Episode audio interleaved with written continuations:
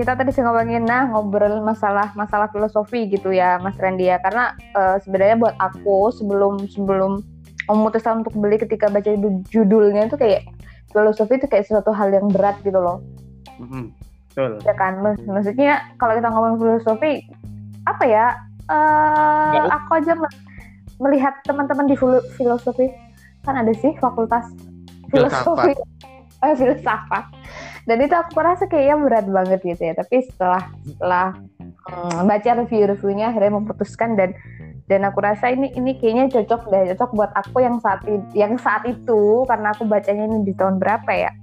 2019 kayaknya di saat itu aku kayak merasa mengalami distraksi sosial yang begitu besar gitu dan dan ini tuh relate banget kayak gitu loh. Nah kalau Mas Randy sendiri awal awalnya kenapa sih akhirnya uh, tertarik dengan membaca filosofi teras? Oke, okay. uh, eh, kalau aku sejujurnya hmm, tampilan bukunya tuh uh, menarik eh. Jadi hmm. kalau dari jauh tuh kayaknya covernya itu menarik gitu loh. Ada ada gambar apa namanya vektor, terus kemudian dia menggunakan dua komposisi warna yang hmm. aku itu kemudian terpancing untuk mendekati gitu loh sebenarnya waktu itu uh, di satu toko buku aku lihat-lihat nih uh, di rak self improvement jadi untuk pengembangan diri ada yeah, yeah, ini iya. bukunya yeah. apa uh, Henry Manampiring judulnya uh-huh. nah biasanya kan aku sebelum ambil buku aku baca dulu tuh yang di bagian belakang Iya ya. Nah, bagian belakang itu biasanya ada sedikit review tentang isi buku, terus uh, sama komen-komen dari beberapa uh, yang terkenal atau tokoh-tokoh tertentu gitu ya. Nah, hmm. uh, membaca tulisan singkat itu aku tertarik nih uh, di bukunya gitu. Jadi hmm. kita uh, pasti ada kaitannya dengan filsafat gitu. Oke. Okay.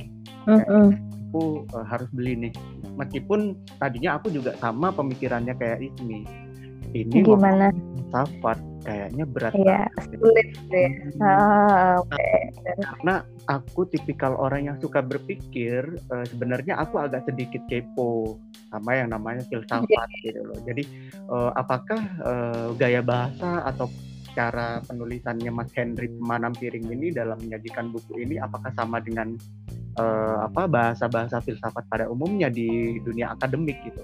Jadi aku penasaran ya, udah aku beli deh. Terus uh, ternyata uh, dari beberapa daftar isi yang aku baca tuh uh, dia tuh ada ini ada beberapa hal yang membuat aku mena tertarik gitu misal tentang kekhawatiran terus kemudian filosofi teras itu sendiri apa terus kemudian di situ juga ada tentang uh, apa namanya dikotomi kendali kayak gitu. Jadi ya udah kemudian aku coba belajar deh kira-kira uh, bisa nggak ya aku dapat nilai yang bagus buat aku sendiri dari buku ini. Jadi kan uh, apa namanya ya mungkin karena kita sama-sama tertarik karena karena kita mengalami hal itu gitu ya mas ya karena karena kita hmm. mengalami kekhawatiran kayak gitu karena kita mengalami apa ya namanya ya uh, hal-hal yang satu generasi ini kayaknya. Iya, jadi apalagi di era sosial sosmed yang yang apa ya semua kita bisa akses semua apa pun yang orang lakukan yang mereka bisa post gitu. Kadang kadang di situ kita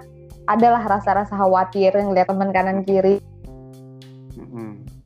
Belum lagi sama tuntutan sosial tuntutan uh -uh. masyarakat tuntutan budaya gitu ya apalagi tuntutan semakin mm -hmm. kita dengan ya, benar. Uh, cara berpikir kita kita ini yang uh, mulai open dengan dunia luar gitu. yang mulai terbuka mm -hmm. dengan berbagai hal bahkan dengan isu-isu ya, yang sensitif sekalipun yang belum pernah dibahas gitu ya sama generasi sebelum kita katakanlah yeah, yeah, kayak yeah. emak-emak kita kakak-kakak kita yang senior kayak gitu uh, uh, uh. apa namanya banyak hal yang uh, uh. kita itu tuh sudah tidak sejalan gitu loh dengan mereka ah apa yang membuat itu terjadi iya sepakat apa, sepakat gitu. ya mungkin karena faktornya juga dari sosial media itu ya mas maksudnya kayak orang zaman dulu kok kayaknya ya.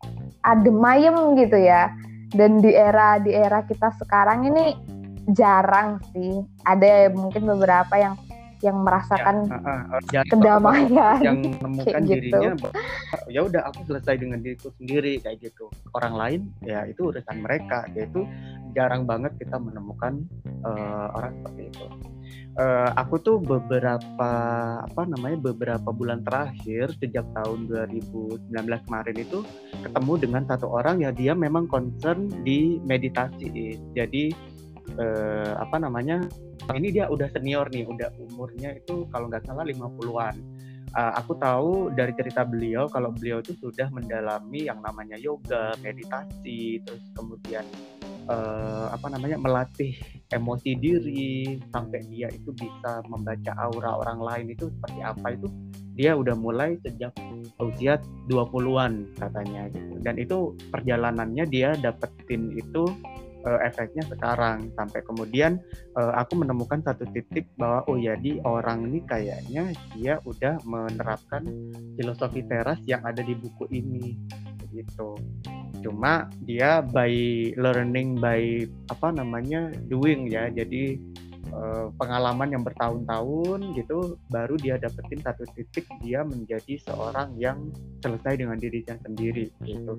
Sedangkan kita yang masih umur di bawah 30-an ini dengan banyaknya distraksi yang ada di dunia mulai dari distraksi teknologi, sosial, budaya, masyarakat, belum lagi sama agama.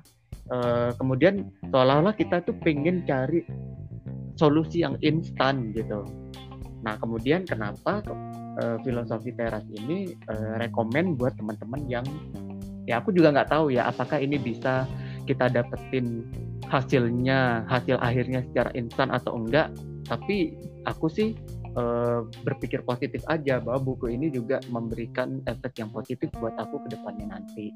Pun juga buat teman-teman yang lain yang uh, aware dengan uh, apa namanya kekhawatiran nasional gitu yang disajikan di buku ini. Sebenarnya apa sih yang yang didapat sama Mas Randi?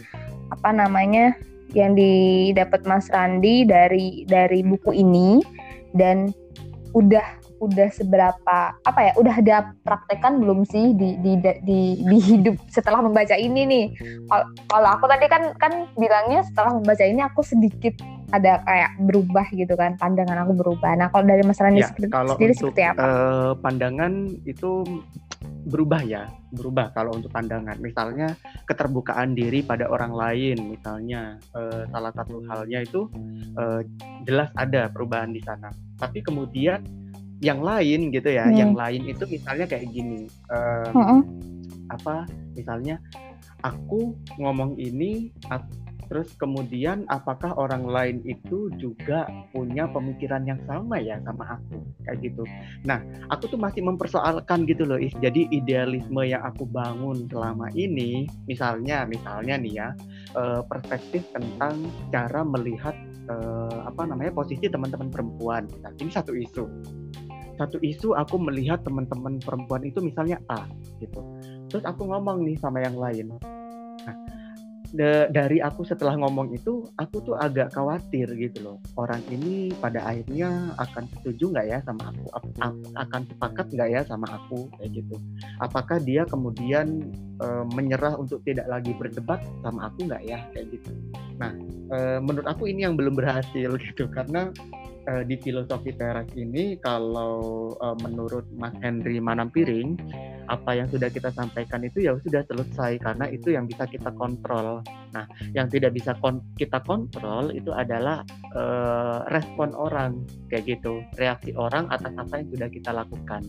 Nah, dalam hal ini aku menceritakan aku me, apa ya me, menceritakan segala hal tentang ini loh posisi perempuan itu yang setara tuh kayak gini, yang setara gender tuh kayak gini.